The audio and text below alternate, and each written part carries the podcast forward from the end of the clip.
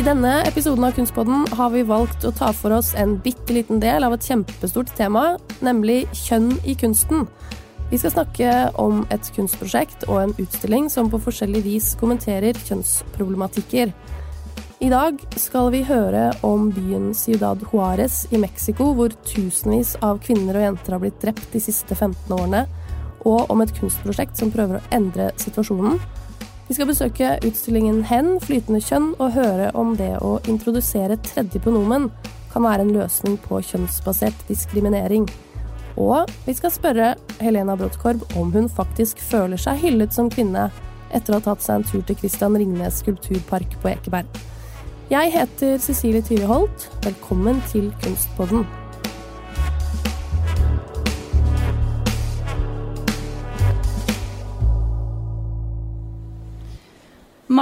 Maktforskjellene basert på tokjønnsmodellen mann og kvinne er en pågående problematikk som er veldig aktuell, spesielt i dag med vår samfunnsdebatt. Men hvordan utfolder denne kjønnsbaserte problematikken seg i samtidskunsten? Og hva skjer hvis man rett og slett velger å fjerne begrepene mann og kvinne, og heller velger å bruke hen? Jeg er i min hjemby Tønsberg, nærmere bestemt på Haugar Vestfold kunstmuseum, sammen med Tone Lyngstad Nyås, som er kurator for utstillingen 'Hen flytende kjønn'. Så Tone, hvilke kriterier er det disse kunstverkene må ha for å få bli en del av 'Hen flytende kjønn'? Ja, disse kunstnerne jeg har valgt ut, de arbeider jo gjerne med dette temaet. Eh, har jobbet med det over mange år. Altså ikke nødvendigvis eh, eh, eh, eksakt hen som begrep, men med utforskning av kjønn og identitet. Og gjerne en flytende kjønnsidentitet. Er det noen av de verkene som vises som du på en måte har tolka inn denne kjønnsproblematikken i, eller er det Ja, det er jo et interessant spørsmål, for kjønn vil man jo alltid tolke inn i kunst. Ja. Men det er jo så nærliggende, og hvordan kan man separere? En kjønnsdiskurs fra en fremstilling av kroppen. Mm. Sånn at det er klart at man eh, kan lese absolutt Jeg er absolutt til stede som kurator i denne utstillingen på den måten. Mm. Ja. Mm. Skal vi ta en titt? Ja, det kan vi gjøre. Ja, Da har du tatt oss med til eh, arbeidet til Astrid Runde Saksegård. Ja, det stemmer. Det er jo en eh, Det fyller jo en hel vegg mm. med ulike tekstiler i mange forskjellige farger. Eh, kan du si litt om dette verket? Det kan jeg. Dette verket har for det første tittelen 'Velkommen til paradis'. Ja. Og jeg vil si nesten at dette uttrykket, som er en kollasj av ulike tekstile arbeider, eh, som vi har satt sammen på en ny måte, den, den har en slags transestetikk i seg. Ja. Um, og det mener jeg det har pga. at hun har jobbet med så veldig sånn, diverse um, uttrykk av det tekstile som refererer både til, eh, til mannlige og kvinnelige kjønnsposisjoner, farger, og så er det jo en ty tydelig transtematikk i at hun bruker disse, disse figurene som er, er, eh, på en måte ikledd eh, rosa dameklær og smykker og slør. Og, og, så er det veldig barokt på en måte, for det er, veldig sånn, det er mye mer maksimalistisk enn minimalistisk. Man har liksom pøst på med virkemidler og skapt en kollasj som på en måte eh, har et veldig sanselig og sensuelt, kanskje vil mange si, og kroppslig uttrykk. For noe av dette med det, hvordan eh, Astrid Runde Saksegård jobber med tekstil, så tar hun i bruk eh, det kroppslige som er veldig fremtredende. Og så arbeider hun med tekstilen på en måte som jeg syns er fryktelig interessant, fordi hun går tilbake og anvender tydelige element som er noe slags ready-made, som viser til tekstilens tradisjon innenfor norsk kulturhistorie. Hun har kniplinger, hun finner ting på loppemarked som viser tilbake til en annen tid. Og så på en måte bruker hun Hun, hun, hun tar de opp og reformulerer de. Hun viser vrangsiden ut. Hun behandler tekstilene og gjør en kombinasjon opp mot det, det som kanskje i utgangspunktet var ganske puritansk og rent, blir urent. Så hun spiller på det burleske og ureine i kontrast til, til eh, det, det, rene. Så denne dialogen mellom det stygge og vakre, det skitne, litt sånn kroppslige og det, eh, og det sensuelle er en sånn puls som er gjennomgående i, i det hun gjør. Ja, da har vi forflyttet oss eh, til et annet sted i utstillingsrommet og står foran Dania Burgers verk. Mm. Heter det The Vigorous? Yes, ja. det heter det. Mm -hmm. For det består jo da av én, to, tre, fire, fem um, ja, tekstile verk. Mm -hmm. Hvor den teksten står skrevet. Og en rekke kapser med ved på. Mm.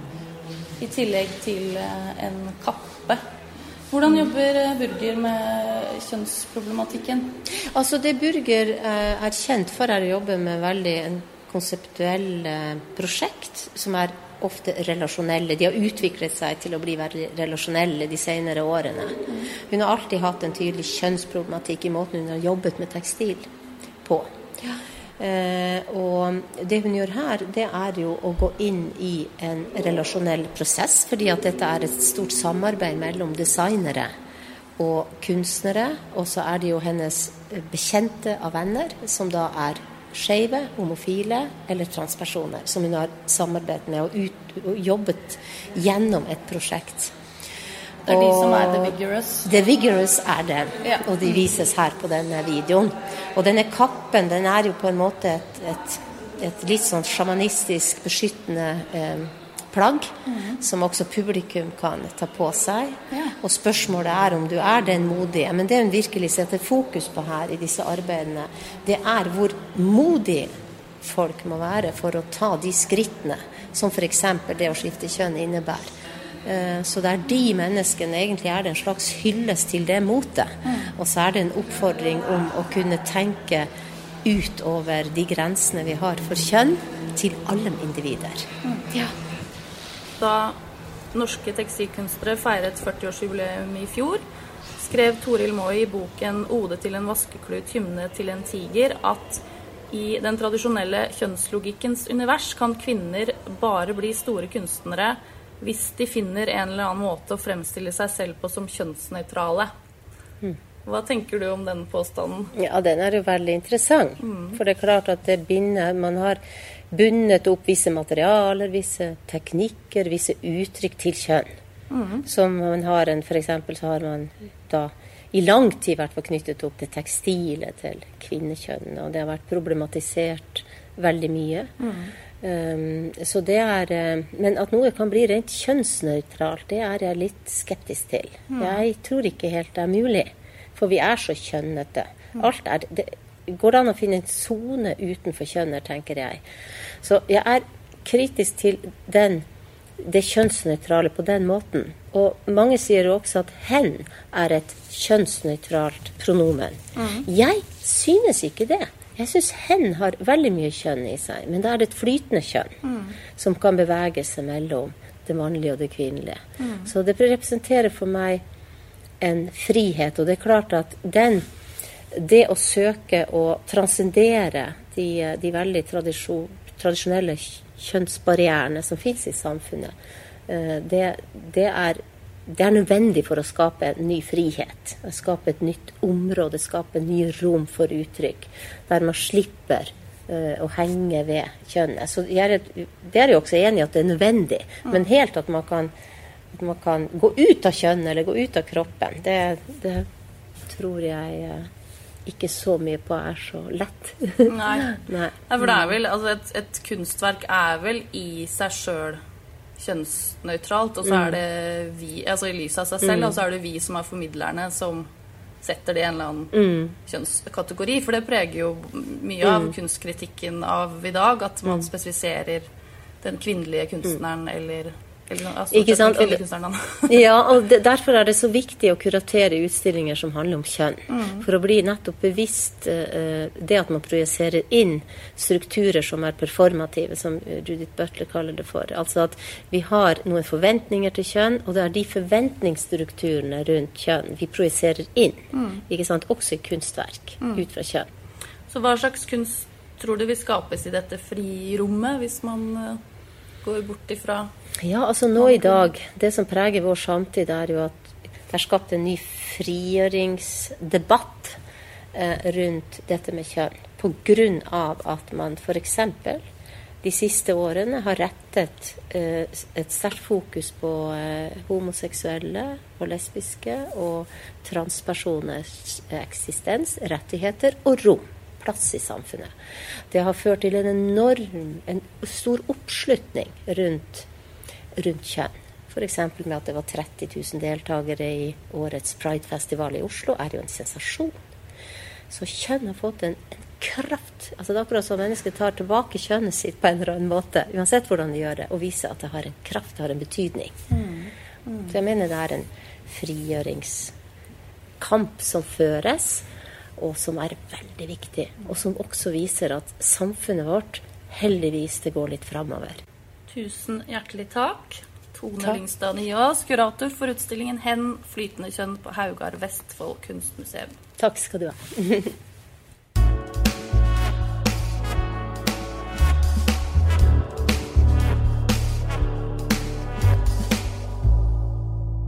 Jeg er tilbake i studio i Oslo, og nå skal vi høre om et kunstprosjekt som tar utgangspunkt i situasjonen i Ciudad Juárez i Mexico, av mediene kalt De drepte kvinners by, eller verdens farligste by. Byen ligger sør for den amerikanske grensa og er et knutepunkt for våpen- og doptrafikken inn til USA. Byen har blitt hovedsete for feminicide, eller kjønnsrettet vold og drap. Siden 1993 har tusenvis av kvinner og jenter blitt brutalt drept i området, og stedet har fått mye oppmerksomhet fordi myndighetene i Mexico virker å heller fokusere på dekkoperasjoner enn å ta situasjonen på alvor. Dette stedet er altså utgangspunktet for det kunstprosjektet du jobber med nå, Lise Bjørne Linnert. Velkommen i studio. Så hvorfor er det så mange kvinner som blir drept i Juárez?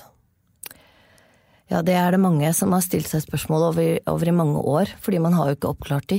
Det er jo eh, Det er knyttet mot at de blir kidnappet og eh, misbrukt og drept, sånn at de blir plukket ut for å misbrukes, for å drepes og dumpes i byen. Eh, og det regner man med er knyttet opp mot narkotikakartellene, men man regner også med at det er en slags ring av eh, avansert menneskehandel. Men istedenfor at de blir fraktet ut, så blir de altså bevart for å misbrukes og så dumpes. Da, eh, det var jo en kamp mot narkotikakartellene i, i 2006 til 2012. Da var det et bordell midt i byen hvor kvinner, unge jenter, ble holdt kidnappet og holdt fanget, og, og som også da tilfredsstilte militæret og politiet. Når de trakk seg ut i 2012, fant de da massegrav med disse jentene. Og dette har du valgt å engasjere deg i gjennom prosjektene Desconocida og nå nylig Ni en More. Hva går disse prosjektene dine ut på? Det går jo ut på det å på en måte fortelle om det. Altså, dette har jo vært eh, Amnesty har vært involvert, men, men kunst kan kanskje nå når folk på en annen måte, tenker jeg. Og så handler det om at overgrep mot kvinner ikke bare skjer i Sidal Quarus, men det er noe som skjer over hele verden. Så det å knytte eh, Løfte fram den situasjonen, men på en sånn måte at man også ser at dette handler ikke om dem, men handler om oss, da. Det har vært noe av min intensjon med prosjektene. I Desconocida så har jeg invitert folk globalt til å brodere navnet på de drepte kvinnene på små navnelapper. Og så broderer de også ukjent på sitt eget eh, språk og alfabet, for å minnes at dette skjer overalt. Nien Mår er nyetablert. På grunn av disse tolv årene som jeg har jobbet med Desconocida, så har jeg fått veldig god kontakt i Juarez. Så det er da et samarbeid mellom aktivister, tekstilkunstner, norsk klesdesigner, amerikansk plantefargeekspert. Vi setter opp en systudio, systudio i Juárez som gir jobb til kvinner som kommer fra spesielt voldsutsatte områder. Flere områder, så de møtes. Eh, de blir lært hvordan de skal sy etter europeisk standard. Eh, de lærer hvordan vi kan bruke plantefarge. Så vi, det er økologisk. Vi bruker da blomster, planter som vokser i området, matrester, avokadosteiner som restaurantene samler inn. Eh, og så skal det selges internasjonalt med informasjon, en storytag som forteller om det som skjer i Juárez, eh, og en protestbadge som man kan bære for å bruke plagget, og den kan ta av seg plagget da, bruke for seg selv, for å um, protestere mot overgrep. Og de protestbadgene de lages også i workshop, sånn at man bruker både her i Norge, i USA, i Mexico, og så bruker man den situasjonen til å lage de og snakke om situasjonen. Og disse skal selges på nettet, eller? De skal selges på nettet, og så mm. lager vi pop-up eh, store. Vi prøver å lage en her i Oslo kortvarig knyttet opp mot 8. mars. Eh, vi skal lage det i New York, eh, i Los Angeles og Mexico City. Eh, sånn at det er for å skape en oppmerksomhet eh, rundt plaggene, da. Og foreløpig er det jo ikke mange, vi er jo veldig i starten. Men, mm. men vi tror det er nettopp det med tiden eh, altså vi, vi, Og målet er at vi skal være bærekraftige i løpet av tre år. Som en del av ditt artist statement skriver du om eh, kunstens mulighet til å være en stemme som fører utfordrende spørsmål nærmere. Kan kunst nå fram på en annen måte enn andre former for politisk aktivisme? Ja, det tenker jeg fordi at, eh, at vi kan nå um, folk og mennesker på en mye nærere måte, på en eller annen måte. Altså at vi kan, vi kan på en måte oversette sånn som eh, dette som er harde fakta over så mange kvinner som blir borte og som drepes, så kan man Og det kan man jo også tenke at det er noe jeg egentlig ikke ønsker å høre om eller sette seg inn i, men det å At kunsten kanskje kan trekke oss nærmere da, til at vi ønsker å, å forstå mer la oss la, At det lærer oss til å lytte. Jeg vet ikke om, om ordet lære er eh, det beste å bruke, men at man at vi Men det handler om å lytte, da. Det handler om å se, og at kunsten bruker andre virkemidler. Jeg er litt tilbake til dette med um, teknikken som dere bruker. Du er jo mm. også styreleder i Norske Tekstilkunstnere. Mm. Og tekstilkunst bærer jo med seg en historie av kvinnekamp. Sånn jeg forstår det, så er jo nettopp den teknikken broderi som dere bruker, at det har gjort eh, at kanskje det har vært litt vanskeligere å få med menn i eh, prosjektet. Så hvordan forholder du deg til det stempelet at tekstilkunst hører sammen med feminisme og kvinnekamp? Er det begrensende på noen måte, eller er det noe du bruker bevisst? Nei, jeg tenker at jeg, at jeg, bruker det bevisst, og at jeg tenker at det er Men det er jo interessant at det har skjedd et endring i klimaet fra 70-tallet til nå, og heldigvis.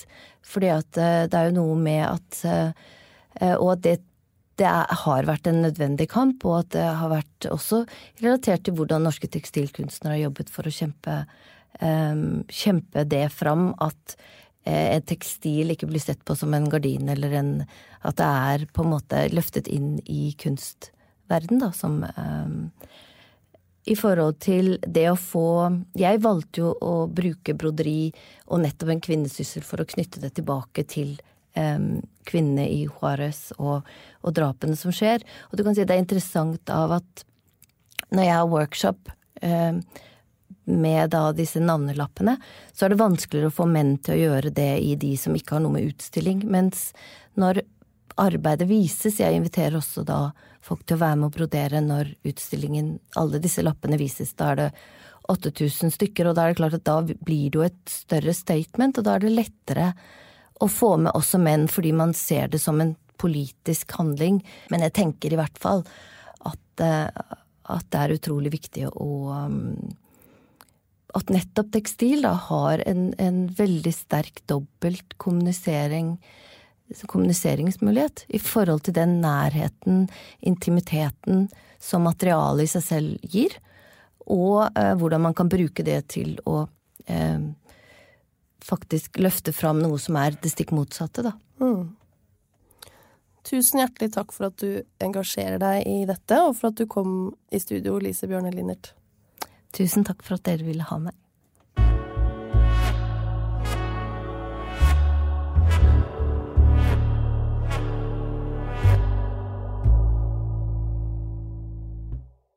Da vi først begynte å høre om Christian Ringnes skulpturprosjekt på Ekeberg for en tid tilbake, så ble det proklamert at denne skulpturparken skulle være en hyllest til kvinnen. Og de siste årene har en rekke utstillinger løftet frem kvinnelige kunstnerskap som av udefinerte årsaker har gått i den kunsthistoriske glemmeboka. Det er veldig viktig at disse kunstnerne får oppmerksomhet, det er det ikke noe tvil om, men jeg nevner denne tendensen i sammenheng med Ringnes hyllest til kvinnen fordi dette kjønnslige fokuset ofte har en bismak. Forfatter og museolog Helena Brodtkorb, hvorfor er det en bismak forbundet med disse kvinnefokuserte kunstprosjektene? Den bismaken, den tror jeg handler om at kvinner, hvis de defineres som kvinne, og kvinnelig kunstner, så blir de a priori ekskludert da, fra kunstnerkategorien. De er først og fremst kvinnelige kunstnere. Um, jeg tror uh, det var vel på 1980-tallet at den kritikken av kvinnekunst Før det så var jo kvinnekunst faktisk et begrep som var ganske hot og trendy. Eh, I vår tid så har jo det en veldig eh, diskriminerende klang. Mm. Det er noe man skriver med anførselstegn. Um, så det er klart at uh, man er redd for at uh, disse utstillingene, kvinneutstillingene, skal bygge opp under uh, definisjonen av kvinner som et B-lag, da. Eller mm. den andre, som man sier i, på teoretisk kunstfagspråk. Men, men Ringnes har jo sannsynligvis en god intensjon bak denne hyllesten av kvinnen. Eh, selv om det kanskje har vært mer spennende hvis han viste eh, skulpturer laget av kvinnelige kunstnere, og ikke fokuserte på kvinnen som estetisk objekt. Ja. Eller så kanskje det ikke hadde hatt noe uh, å si. Men er du enig i at ensrettet kjønnsfokus kan fungere mot sin hensikt? Uh, jeg er litt usikker på det, faktisk. Jeg har ikke en veldig sånn sterk eh, mening om at det er feil. Eh, det er veldig mange forskjellige måter å gjøre det på. Da. Jeg tenker at eh, Hvis Christian Ringnes hadde vært skikkelig interessert i kunsthistorie, så kunne det vært veldig kult hvis han hadde laget en skulpturpark av skulpturer, skulpturer som viser kvinner men hvordan kvinner har blitt representert f.eks. gjennom kunsthistorien. Mm. Det er jo et veldig man, Når man studerer kunsthistorie, så ser man jo hvordan kvinnekroppen har vært en sånn battlefield hvor liksom nye ideer har fått utspille seg. Picasso eh, parterer kvinnekroppen og vrir den rundt, og plutselig er modernismen liksom fullt til stede. Så det er jo veldig spennende, egentlig. Mm. Uh, og jeg syns det er litt kjedelig at man hele tiden på kommando skal gå ut og si det er feil, det er feil. Eh, med en gang eh, kvinnebegrepet brukes som en eh, fellesnevner, da. Ja, ja fordi det her er jo et tema som du kan veldig mye om. Kanskje for mye til å ta liksom, et sånn konkret standpunkt. Du har jo skrevet masteroppgaven din i kunsthistorie om temaet den problematiske kvinneutstillingen. Mm. så du kan jo mye om historikken her òg. Hører denne skepsisen eller, og denne bismaken liksom, til vår generasjon av kunst seere? Uh, ja, jeg tror alle vi eh, som har studert kunsthistorie, har blitt veldig skolert i poststrukturalistisk tankegang. Uh, hvor, hvor, denne kritikken av kvinne og essensialisme og hva det vil si å være kvinne, er veldig tilstedeværende i kunst, historie og teori. Så men eh, jeg tror den, den er en, det er en interessant teori som er, som er ganske sånn åpenbar. Samtidig så virker den ikke helt på, med sin hensikt. Fordi eh, disse kvinnespesifikke feministiske utstillingene, de, de, fortsetter jo bare å bli produsert. Så det, det, man ser er jo et helt tydelig behov for å produsere under begrepet kvinne, da. Produsere utstillinger. Eh, som regel er det jo heldigvis feministiske utstillinger. Eh, så jeg tror um, Jeg tror det er en teoretisk blindvei. At man på en måte er litt fastlåst. På én side vil man gjerne fortsette å snakke under kategorien kvinne, samtidig som man helst vil la være å gjøre akkurat det. Mm. Um, samtidig så tror jeg jo at uh, yngre feminister er mye mer åpne, kanskje at de ikke er like farget av poststrukturalistisk teori. Altså, jeg synes bare de årene etter at jeg leverte denne masteroppgaven i 2013, så har man jo virke, altså har jo den uh, tredje bølgen, eller fjerde bølgen, som noen kaller det, virkelig tatt av. Og metoo og alle de tingene der viser jo en sånn enorm vilje til å snakke om den kvinnelige erfaringen. Eh, og det er en ny sånn eh, at personlig er politisk med den nye gapestokkulturen i sosiale ja. medier og sånn. Så eh, det er mye, sånn, mye tendenser fra 70-tallet, da. Ja. som får herje nå. Det er på en måte ganske deilig, syns jeg. For jeg syns jo at det blir litt kjedelig og nesten totalitært hvis man hele tiden skal bestemme at det, det skal ikke være lov, og det skal ikke være lov. Og hvis kunstinstitusjonene blir helt opphengt i det, så blir det jo bare veldig kjedelig. Og jeg mener, historien til disse utstillingene, som er kjempemorsom, og som jeg anbefaler alle å lese, det er jo nettopp det at utstillingene har vært banebrytende fordi de har vært en arena hvor nye eh, perspektiver og nye erfaringer har fått komme frem, da. Eh, som regel er, jo, som regel er det jo sånn at utstillinger er informert gjennom kunsthistorien og kanon, men i de feministiske og kvinnespesifikke utstillingene så er det litt annerledes. Det har på en måte skjedd samtidig. Altså det har vært grasrotbevegelse og kvinner som har laget sine egne utstillinger og vist radikal kunst som ikke har hatt noen annen plass. Og dermed har det liksom påvirket teorien, og det har påvirket kunsthistorikerne og hvordan man har sett på kunst. Mm. Så det er jo veldig fascinerende, og det er jo veldig synd hvis det skulle bli lagt et bånd på, tenker jeg. Ja. Føler du deg hyllet som kvinne etter en tur i Ekebergparken?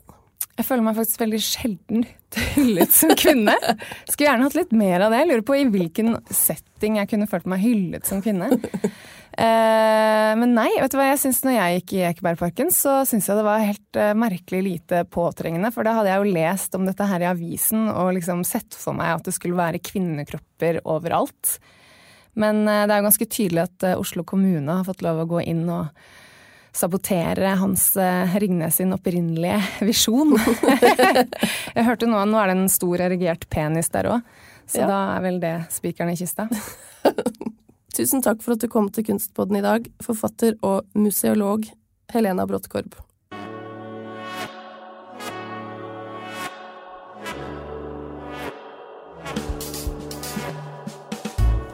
Og med det er Kunstpodden over for i dag. Dersom du har kommentarer eller forslag til oss, send oss en melding på Facebook, følg oss på Facebook og abonner på oss på iTunes eller hvor du hører på oss. Jeg heter Cecilie Tyre Holt, og vi høres igjen i neste episode av Kunstpodden.